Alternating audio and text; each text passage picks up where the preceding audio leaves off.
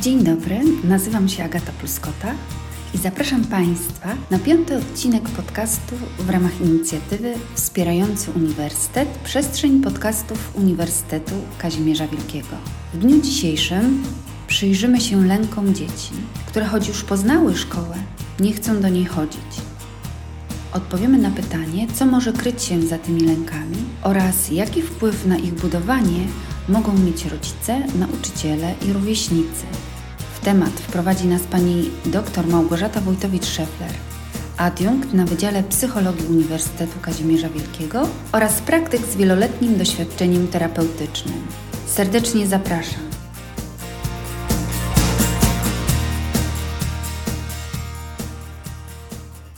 Kolejne spotkanie będzie dotyczyło dalszych lęków, tym razem już u dzieci starszych. O ile lęk pierwszoklasisty nikogo nie dziwi przed pójściem do szkoły, o tyle lęk, który pojawia się u dzieci w momencie, kiedy już znają otoczenie, wiedzą, co się dzieje w szkole, może troszkę nas dziwić. Zacznę od tego, jakie objawy lęku mogą być niepokojące, bo ostatnio zakończyłam na tym, że u dzieci, które rozpoczynają naukę w szkole, te różne reakcje lękowe, czy te nieprzyjemne stany emocjonalne mogą się pojawiać jakby w różnych sytuacjach i chciałabym podkreślić, że objawy lękowe mogą naprawdę w różny sposób występować u dzieci, a to, co nas powinno niepokoić, to przede wszystkim dwa rodzaje rodzaje takich objawów. Objawy somatyczne, czyli to, co się dzieje z dzieckiem w zakresie jego ciała. I warto pamiętać, że to nie są wymówki, że dziecko boli głowa, że ma zawroty głowy, że go boli brzuszek, że dziecko nadmiernie się poci, że e, mam dłości, wymioty. To nie są wymówki, kiedy dziecko mówi, że jest osłabione, że kręci mu się w głowie, że łzawi, albo występują inne tego typu objawy somatyczne, ponieważ to są realne odczucia, które występują u dziecka i wynikają z przeżywanego przez dziecko silnego stresu, silnej, nieprzyjemnej reakcji, która wiąże się, tak jak już mówiłam wcześniej, z przewidywaniem nadchodzących zagrożeń.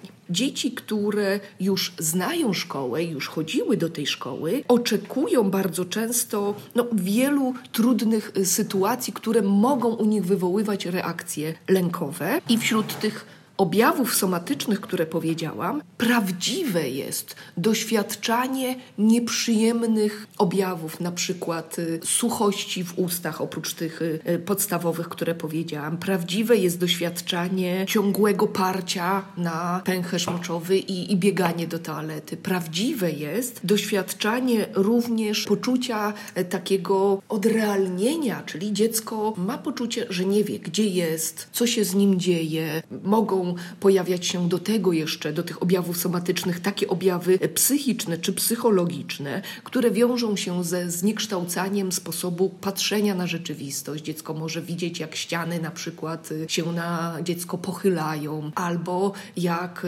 korytarz się rozsuwa i ono nie może dotrzeć do jakiegoś miejsca, albo jeszcze mogą pojawić się e, plamki przed oczyma, albo mogą pojawić się jakieś zakłócenia w obrębie słuchu, czyli dziecko może słyszeć więcej dźwięków niż e, one występują w rzeczywistości, albo może mieć poczucie totalnego szumu w uszach i nie słyszeć niczego, co dzieje się dookoła. Więc te objawy somatyczne, na które należy zwrócić uwagę, będą prawdziwie odczuwane przez dziecko. To nie jest jego wymysł i dorośli nie powinni denerwować się, że dziecko co chwileczkę na przykład biega do toalety, albo narzeka, że boli je brzuszek, albo robi dziwne grymasy twarzy, bo właśnie czuje, że gdzieś tam oko mu łzawi, albo głowa zaczyna boleć, albo jeszcze jakoś inaczej próbuje tą głowę ustawić, żeby zobaczyć rzeczywistość, która zaczęła się zmieniać, zniekształcać i, i próbuje się do tej rzeczywistości jakoś y, ustawić. Bardzo ważne jest też zwrócenie uwagi na problemy czy też objawy natury psychologicznej, takie jak zmiany zachowania u dziecka. Zmiany zachowania, które mogą powodować na przykład wahania nastroju. W jednej chwili dziecko jest smutne, przerażone albo jeszcze takie zaniepokojone, a w drugiej jest złe, zdenerwowane albo wręcz agresywne, gniewne. Więc ta zmiana nastroju powinna być dla nas sygnałem ostrzegawczym, że z dzieckiem dzieje się coś niewłaściwego. Drugim bardzo ważnym objawem natury psychologicznej jest wycofanie z aktywności, które dotychczas dla dziecka były zwykłe albo były przyjemne. Na przykład to jest wycofanie się z aktywności związanych z jedzeniem, z zabawą, z kontaktem z innymi osobami, aktywności, które także wiążą się z podejmowaniem zadań wyznaczanych w szkole, czyli aktywności zadaniowych, nieodrabianie zadań czy niewykonywanie poleceń. Dalsze e, objawy to objawy, które mogą sugerować brak poczucia bezpieczeństwa. Dziecko stale pyta, kiedy będzie koniec, a czy rodzice przyjdą. Pyta o sytuacje, które wywołują u dziecka lęk, i za chwileczkę o tych sytuacjach lękowych, które mogą pojawić się w momencie, kiedy dziecko zaczyna chodzić do szkoły, albo w momencie, kiedy dziecko właśnie nie chce chodzić do szkoły, będę mówiła. Więc te objawy wynikające z psychicznych, prawdziwych y, odczuć, czy to odczuć związanych ze zmianą nastroju, czy odczuć wynikających z poczucia zagrożenia, czy odczuć, które no, także biorą się z tego, że dziecko na przykład nie akceptuje swoich wahań nastroju, nie, nie rozumie z czego to się bierze i nie rozumie także tego, że jego smutek, czy jego potem agresja są spowodowane właśnie tym nieprzyjemnym stanem emocjonalnym, który wiąże się z przewidywaniem nadchodzącego zagrożenia, czyli z lękiem, krótko mówiąc. Do objawów, które mogą nas niepokoić, jest bardzo dużo. Myślę, że nie wymieniłam tutaj wszystkich, ale takie najważniejsze z grupy objawów somatycznych czy z grupy objawów psychicznych. I warto pamiętać, że każde zachowanie, które odbiega od dotychczasowych form funkcjonowania dziecka, albo które odbiega od normy charakterystycznej dla dzieci w danym wieku, bo inna to będzie norma dla dzieci w pierwszych latach szkoły podstawowej, czyli to będzie charakterystyczne zachowanie dla dzieci między 6, 7 a 9 rokiem życia, a inna dla dzieci, które już wkraczają w etap dorastania. Tam wahania nastroju również są elementem, powiedziałabym, naturalnego procesu rozwojowego. Więc wszystkie zachowania odbiegające od tych normatywnych albo odbiegające od tych, które są charakterystyczne dla większości dzieci, powinny być dla nas sygnałem, że z dzieckiem dzieje się coś niepokojącego i nie powinniśmy ich lekceważyć nie powinniśmy się na dziecko denerwować, że takie objawy występują, tylko, tak jak już powiedziałam poprzednio, zwrócić uwagę na to, co dziecko ma nam do powiedzenia, czyli rozpoznać problem. I teraz chciałabym, żebyśmy zastanowili się nad tym, jakie problemy, czy jakie sytuacje, trudności, czy osoby mogą wywoływać lęk przed szkołą u dzieci starszych. Podzieliłam to sobie na trzy kategorie, czyli na problemy, które wynikają z funkcjonowania w relacjach z rodzicami, funkcjonowania w relacjach z nauczycielami i innymi pracownikami szkoły i funkcjonowania w relacjach rówieśniczych.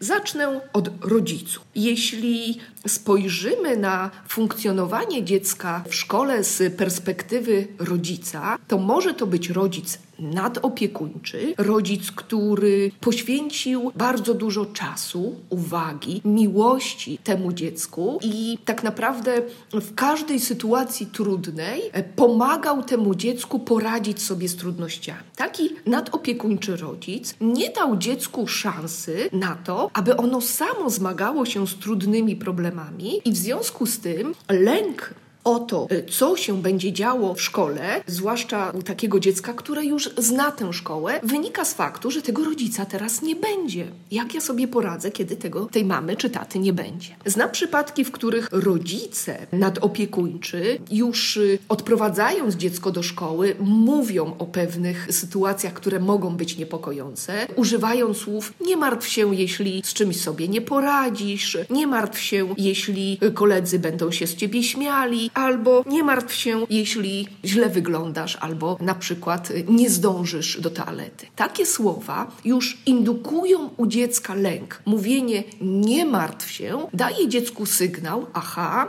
należy się czymś martwić. Rodzic wprawdzie mówi, że nie mam się martwić, ale coś jest w tej sytuacji niepokojącego, co powoduje, że powinienem czy powinnam zwrócić na to uwagę. Taki nadopiekuńczy rodzic w związku z tym w nieświadomy sposób wprowadza dziecko w stan, w którym ono stale myśli potem o tych słowach, o tych niepokojach, które zostały wypowiedziane przez rodzica i również staje się niespokojne, lękliwe i ma poczucie zagrożenia. Ci nadopiekuńczy rodzice, z moich doświadczeń wynika, mają nawet takie pomysły, że jak dziecko idzie do szkoły, już wiedzą z ubiegłego roku, na przykład, bo pierwszoklasista gorzej sobie w tej szkole radził, to często dzwonią właśnie do mnie jako do psychologa i pytają, czy ja w takim razie w tym roku powinnam również z tym dzieckiem chodzić do szkoły i czekać na niego, żeby dać mu wsparcie na przykład na przerwach. Być obok tego dziecka albo stać za oknem i kiwać, żeby dziecko wiedziało, że w razie czego jestem gdzieś blisko. To nie są wyssane z palca pytania, to są pytania rodziców, którzy mają bardzo dużo miłości dla dziecka, ale ta miłość jest jednocześnie miłością ograniczającą. Jest miłością zabierającą dziecku przestrzeń do własnej eksploracji e, otoczenia, do wypracowania własnych sposobów radzenia sobie z lękiem i powoduje, że to dziecko czuje, że bez wsparcia rodzica sobie nie poradzi. Bardzo często w związku z tym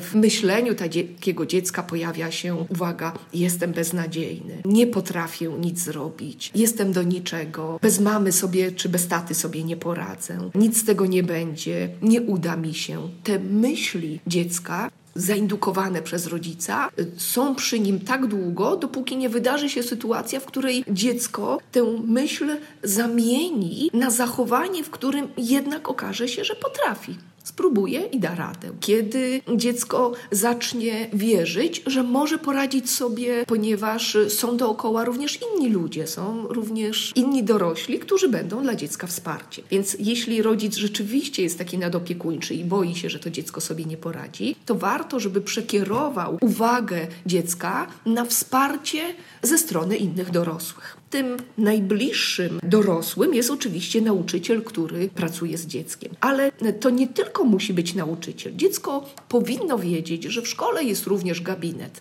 pedagoga czy psychologa, osoby, która ma również za zadanie wesprzeć dziecko w y, trudnościach czy problemach, które towarzyszą mu w pierwszych dniach szkoły, czy w ogóle towarzyszą mu w sytuacjach, w których przewiduje nadchodzące zagrożenia. Gdy pracowałam w szkole, to miejsce moje, które zajmowałam, zawsze wyposażone było w kredki, w kartki i zawsze zachęcałam dzieci do tego, nie żeby opowiedziały, czego się boją, tylko narysowały swój lęk, narysowały swoje emocje, które obecnie przeżywają. I czasami wystarczyło, że dziecko rzeczywiście w przerwie przyszło, narysowało pewne rzeczy, dopowiedziało jeszcze o tym, czego się boi i wychodziło jakby lżejsze. Oto poczucie no, mniejszego zagrożenia. Powiedziało, w ten sposób też uzyskało e, wsparcie w postaci wysłuchania jego problemów i dostało również e, na zachętę takie informacje: dasz sobie radę, masz wystarczające możliwości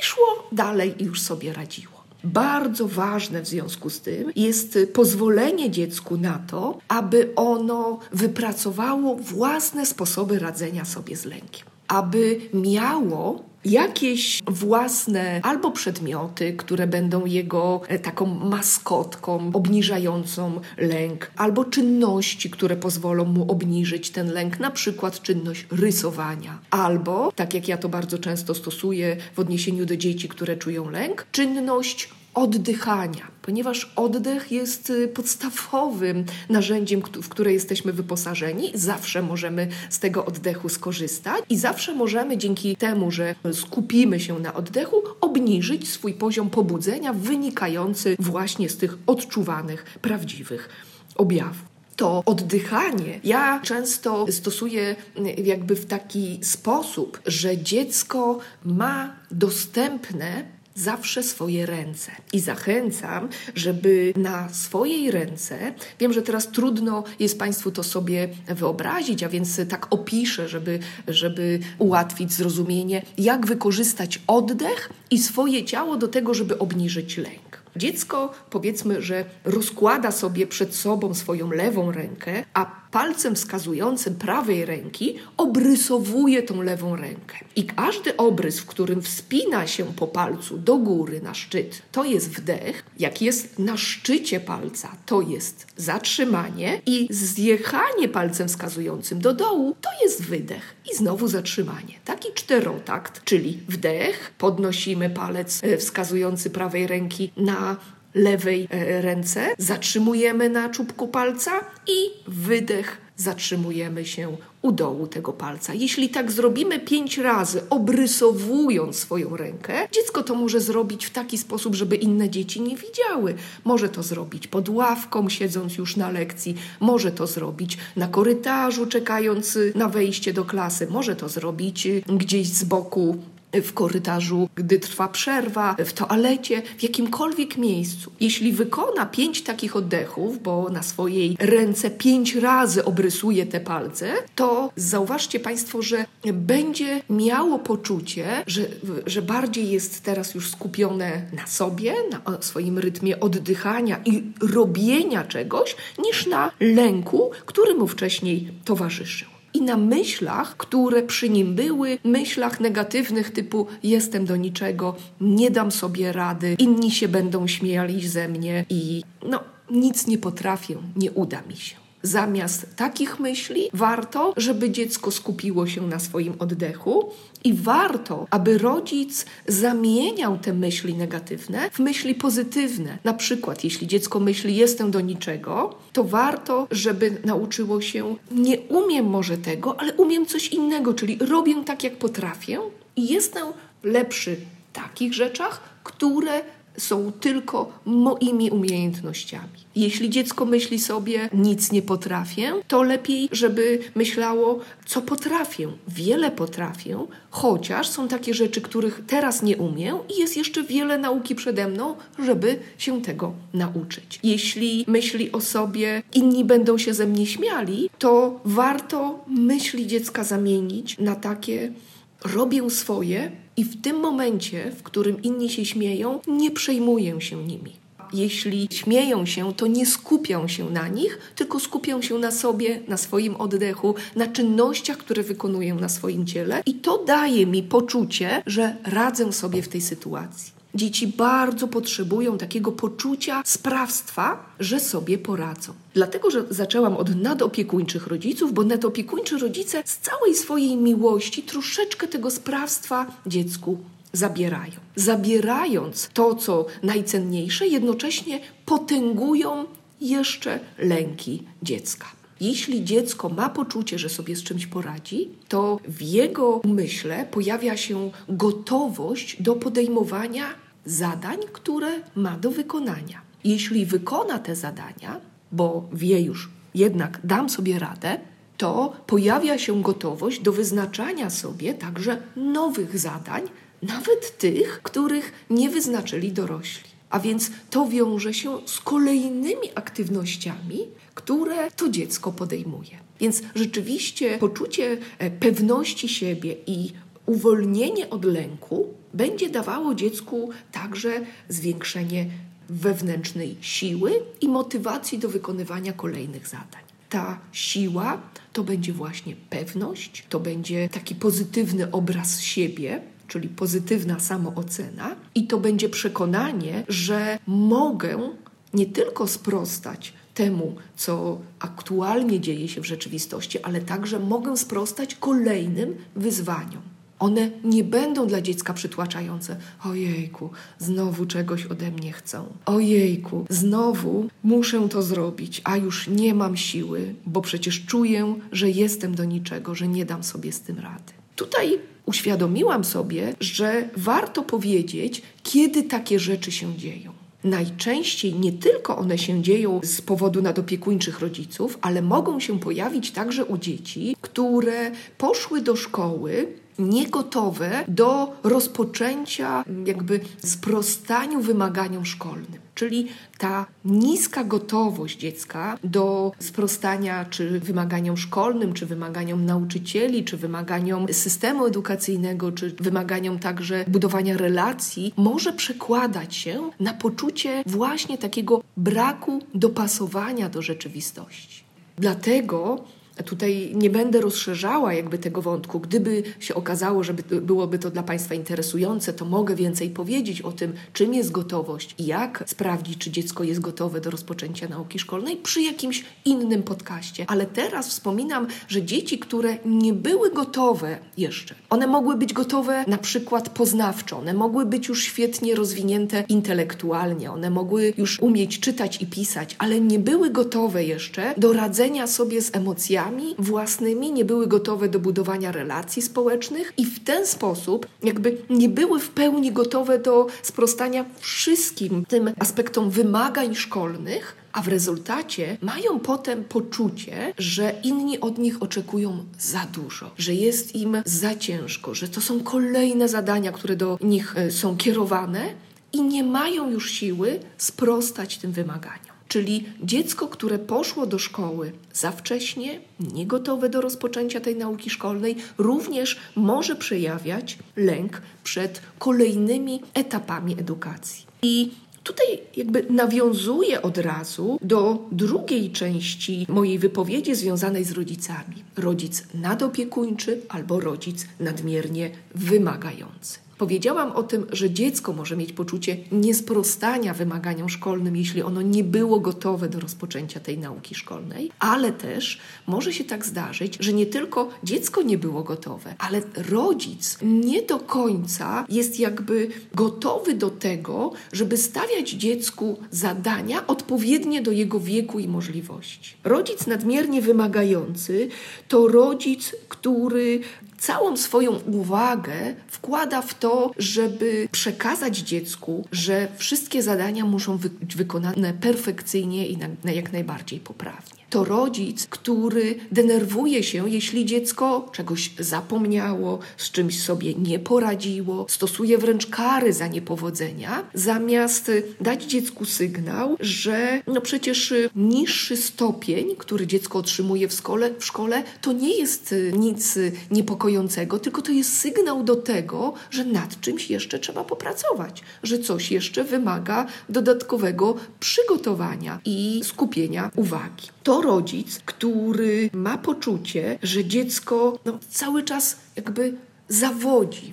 Nie jest w stanie sprostać jego oczekiwaniom, i jeśli u takiego dziecka pojawia się lęk, to taki rodzic tłumaczy lęk dziecka lenistwem, e, brakiem starań, kolejnymi, powiedziałabym, e, takimi ucieczkami czy sformułowaniem, że dziecko miga się od obowiązków, bo chce się tylko bawić, bo chce się tylko skupić na tym, co jest przyjemne zabawa jest naturalną formą aktywności także w trakcie nauki szkolnej. I jeszcze długo po okresie przedszkolnym dziecko potrzebuje i zabawy, i nauki. Więc jeśli dziecko, jak to rodzic mówi, miga się od tych obowiązków, właśnie uciekając w zabawę, to powinniśmy zastanowić się, czy ono rzeczywiście było gotowe do rozpoczęcia tych obowiązków szkolnych. Czy e, to nie jest tak, że one go przytłoczyły, że one powodują, że dziecko obawia się, że jakby kolejne wymagania, czy to rodzica, czy, czy innych osób, będą dla niego zbyt trudne i będą znowu obniżały ten poziom myślenia dziecka o sobie, ten poziom poczucia sprawstwa i gotowości do tego, żeby sprostać nowym zadaniom. Rodzic zbyt wymagający to rodzic, który stara się przekazać dziecku, że wszystko, co ono robi w szkole, musi być od początku do końca dobre. To rodzic, który stawia dziecku wymagania polegające na tym, że dziecko musi samo brać odpowiedzialność za e, przygotowanie do szkoły, za pamiętanie o różnych zadaniach, które są do wykonania. To jest jakby przeciwieństwo rodzica nadopiekuńczego, który przejmuje tę rolę za dziecko i to on dowiaduje się, co ma dziecko do zrobienia, to on dowiaduje się, jakie zadania trzeba zrobić i siada z dzieckiem i robi, albo czasami robi to za dziecko. Natomiast rodzic nadmiernie wymagający nie pozwala na to, żeby dziecko narzekało, że czegoś nie umie. Jak to nie umiesz? Nie umiesz, to będziesz siedział tak długo, aż będziesz umiał. To nie będziesz się dzisiaj bawił i będziesz po prostu dłużej pracował. Jeśli odbierzemy dziecku tę zabawę, odbierzemy dziecku pasję, odbierzemy czas na odpoczynek, odbierzemy czas na organizowanie wolnego czasu dziecku tak, jak ono chce, właśnie stawiając kolejne zadania przed dzieckiem, bo rodzic nadmiernie wymagający będzie tak organizował dziecku czas, żeby miało jeszcze dodatkowy basen, dodatkowy angielski, e, lekcje e, malunku czy dodatkowe zajęcia ruchowe to rodzic, który we wszystkim, co dziecko robi, planuje i przewiduje zorganizowanie tego czasu w taki sposób, żeby dziecko nie miało ani chwili na samodzielne funkcjonowanie, na, mówiąc po kubusiowemu, na robienie nic. Ponieważ właśnie ten Kubuś Puchatek bardzo często mówił, że to, co on lubi najbardziej, to robić nic. I dzieci czasami też lubią robić nic. One wprawdzie mogą mieć takie poczucie, jak już ten rodzic e, niczego od niego nie chce, że one się nudzą albo że nie wiedzą, co chcą robić, ale muszą przez pewien czas porobić to nic, czyli ponudzić się, poleżeć, popatrzeć w sufit, posłuchać muzyki albo po prostu posiedzieć i popatrzeć tempo przed siebie, właśnie po to, żeby znaleźć to, co dziecko najbardziej zainteresuje. Jeśli rodzic cały czas będzie organizował działania dziecka, to u dziecka będzie pojawiał się lęk: ojejku, to co jeszcze muszę zrobić? Ten lęk od pierwszych lat nauki szkolnej będzie się potęgował i potem przejdzie także na dziecko. Ono potem już nie będzie umiało odpoczywać, tylko będzie miało lęk: ojejku, jak ja teraz nic nie robię, to jest źle będzie nauczone tego, że wciąż trzeba coś robić, że wciąż trzeba zmagać się z jakimiś zadaniami.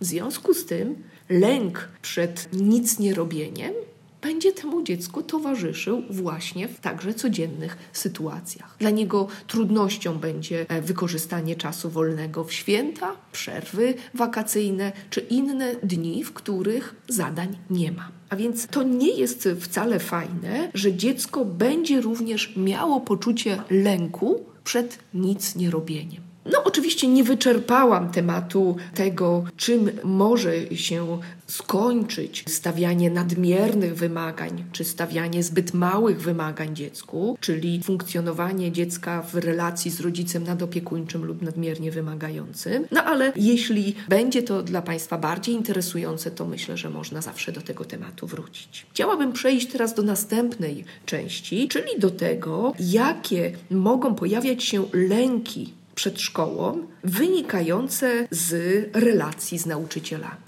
Mam świadomość, że jest to trudny temat, ponieważ często nauczyciele mówią, że przecież robią wszystko, żeby tych lęków nie było.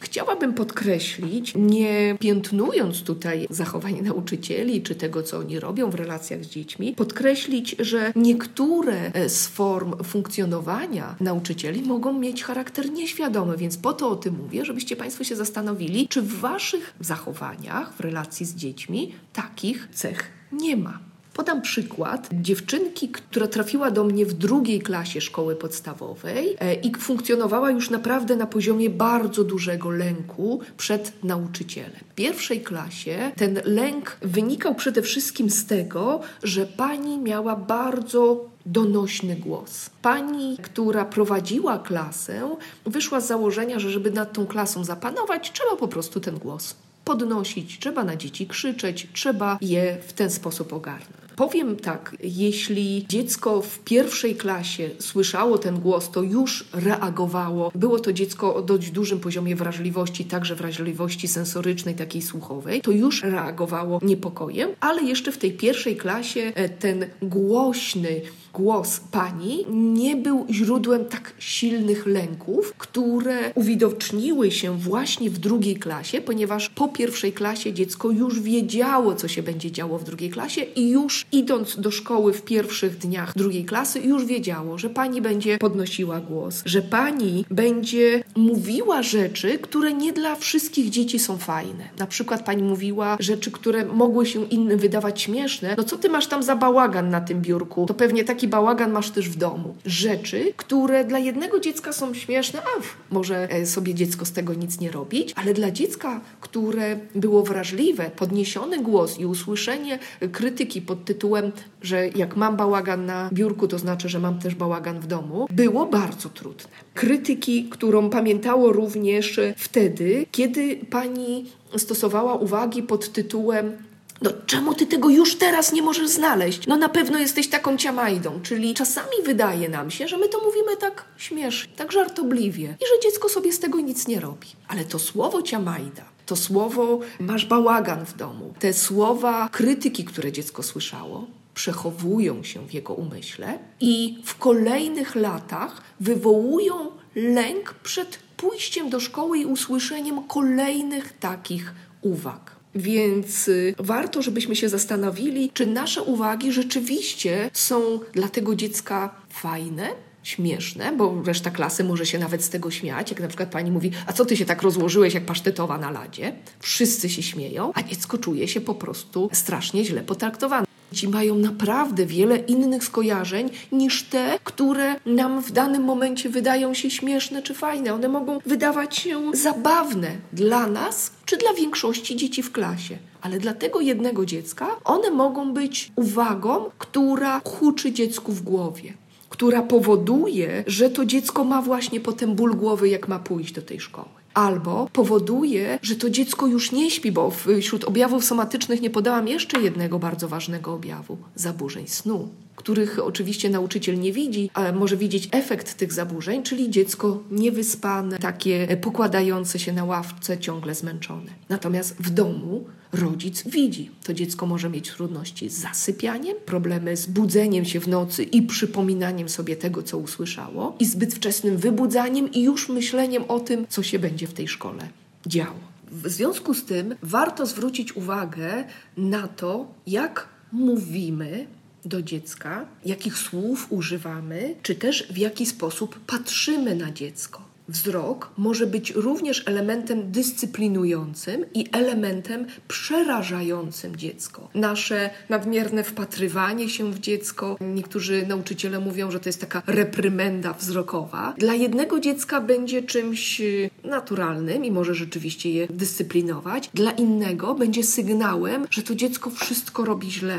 że z niczym sobie nie radzi i że jest właśnie takie niedopasowane do otoczenia. Warto wiedzieć, że nasze słowa, nasz głos czy nasz wzrok mogą być e, porażające nie tylko dla dziecka, także dla rodzica. Z perspektywy rodzica, który ma e, też własne dzieci, mogę powiedzieć, że nieraz bałam się kontaktu z jakimś nauczycielem, który miał właśnie taki silniejszy głos, czy miał takie bardzo świdrujące spojrzenie. Jeśli ja, jako osoba dorosła, która posiada już strategię radzenia sobie z trudnymi emocjami, e, czułam jakiś niepokój, to domyślam się, że dziecko może czuć ten niepokój jeszcze intensywniej. A jeśli czuje w kontakcie z nauczycielem raz, drugi, trzeci, to potem ten niepokój staje się zgeneralizowaną reakcją, reakcją, w której dziecko już tylko myśli o tym, czy pani dobrze na mnie spojrzała, czy pani nie podniosła e, głosu, czy pani w odpowiedni sposób mnie pochwaliła, żebym mogła, czy mógł dobrze wykonać to zadanie. Warto pamiętać, że czynnikiem, który wywołuje lęk, takim lękotwórczym,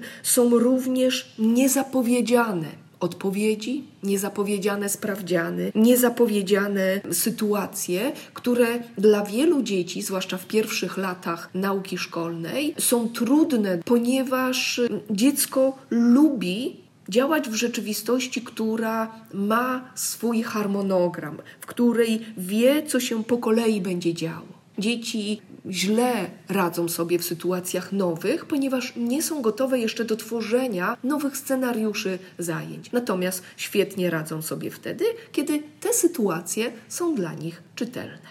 Oczywiście warto pamiętać, że tych elementów, które mogą być po stronie nauczyciela, jest dużo więcej i one mogą zależeć zarówno od relacji nauczyciel-dziecko, jak i od samego dziecka i od tego, jak to dziecko funkcjonuje, jakie ma cechy indywidualne, a więc warto również zwrócić uwagę na to, jak dziecko się uczy, w jaki sposób reaguje na nasze uwagi, polecenia czy stawiane przez nas zadania i odpowiednio do tego zadziałać.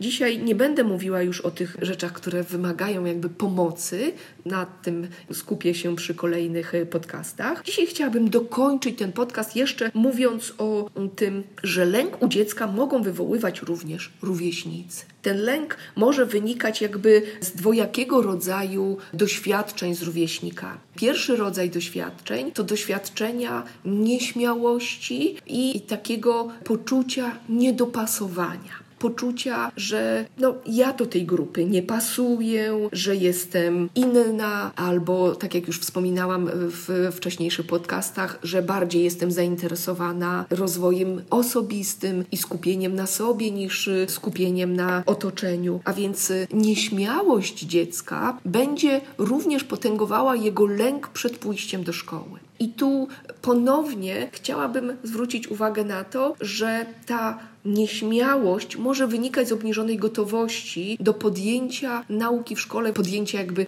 relacji z innymi dziećmi, czy budowania tych relacji z innymi dziećmi. Z drugiej strony, to, co może wzbudzać lęk u dzieci, to zachowania agresywne. Jeśli dziecko znalazło się w sytuacjach, w których inni mu dokuczali, wyśmiewali się z niego, bądź też stosowali inne akty agresji, zarówno słownej, jak i fizycznej, to ono przewidując że mogą takie sytuacje się powtórzyć w przyszłości, nie umiejąc sobie z nimi poradzić, również będzie lękało się przed dalszym wyjściem do szkoły. Każdy objaw takiego lęku powinien być traktowany poważnie. Powinniśmy zastanowić się, dlaczego dziecko nie chce siadać z określonym dzieckiem, nie chce wyjść na przerwę, nie chce iść do toalety samodzielnie albo nie chce z innymi dziećmi rozmawiać. Już nie mówię o takich drastycznych przykładach, w których zaobserwujemy, że dziecko ma jakieś siniaki, że dziecko ma jakieś zadrapania, albo jak to bywa na przerwach, że jest popychane, rzu rzucane w niego są jakieś przedmioty, albo jest izolowane od grupy i wyśmiewane. Dzisiaj tylko tak króciutko, ponieważ już y, czas naszego podcastu się kończy. Jeśli będziecie Państwo zainteresowani tym tematem, czy w ogóle rozszerzeniem tematu lęk y, u dzieci z perspektywy rodziców, nauczycieli czy kolegów, to zawsze możemy jeszcze do tego wrócić. Dziękuję bardzo za uwagę.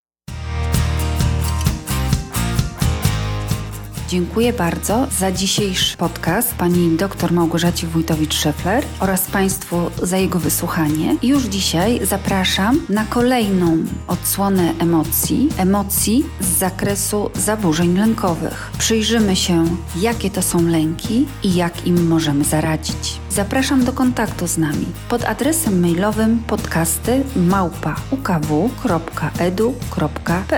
Do usłyszenia.